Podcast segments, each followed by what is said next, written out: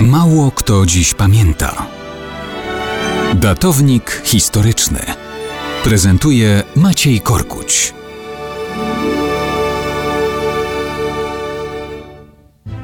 Mam nadzieję, że wielu Polaków dziś pamięta, że 22 stycznia 1863 roku wybuchło powstanie styczniowe.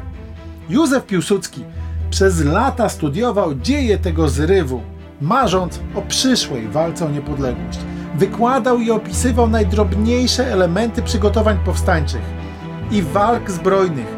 Analizował fenomen funkcjonowania podziemnego państwa. Pokazywał, co się udało i co się nie udało.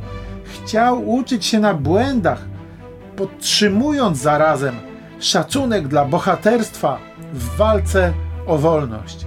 Powstanie nie wygrało, osamotniona walka została zmiażdżona przez imperialną rosyjską przemoc po niemal dwóch latach bojów partyzanckich. A jednak to ten mit nieustępliwego oporu, determinacji, gotowości do osobistych poświęceń, bunt przeciw zaborcy i ambicja życia w wolności.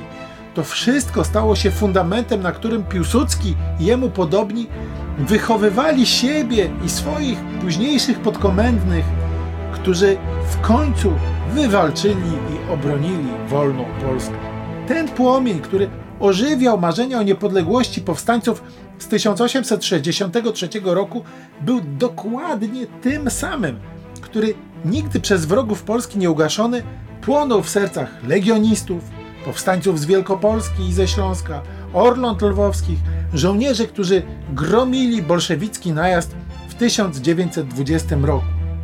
Ten sam płomień dawał żołnierzom siły do boju w obronie granic w 1939 roku i do dalszej, nieustępliwej walki o niepodległość w czasie wojny i po wojnie.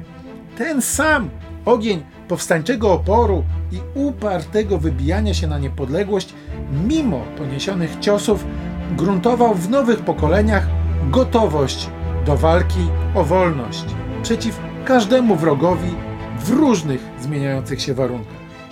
Kiedy w XX wieku wciąż byliśmy pod butem największego państwa świata i jego narzuconej ideologii, wciąż mogliśmy liczyć na to, że uniwersalne hasło wolności będzie kruszyć imperia.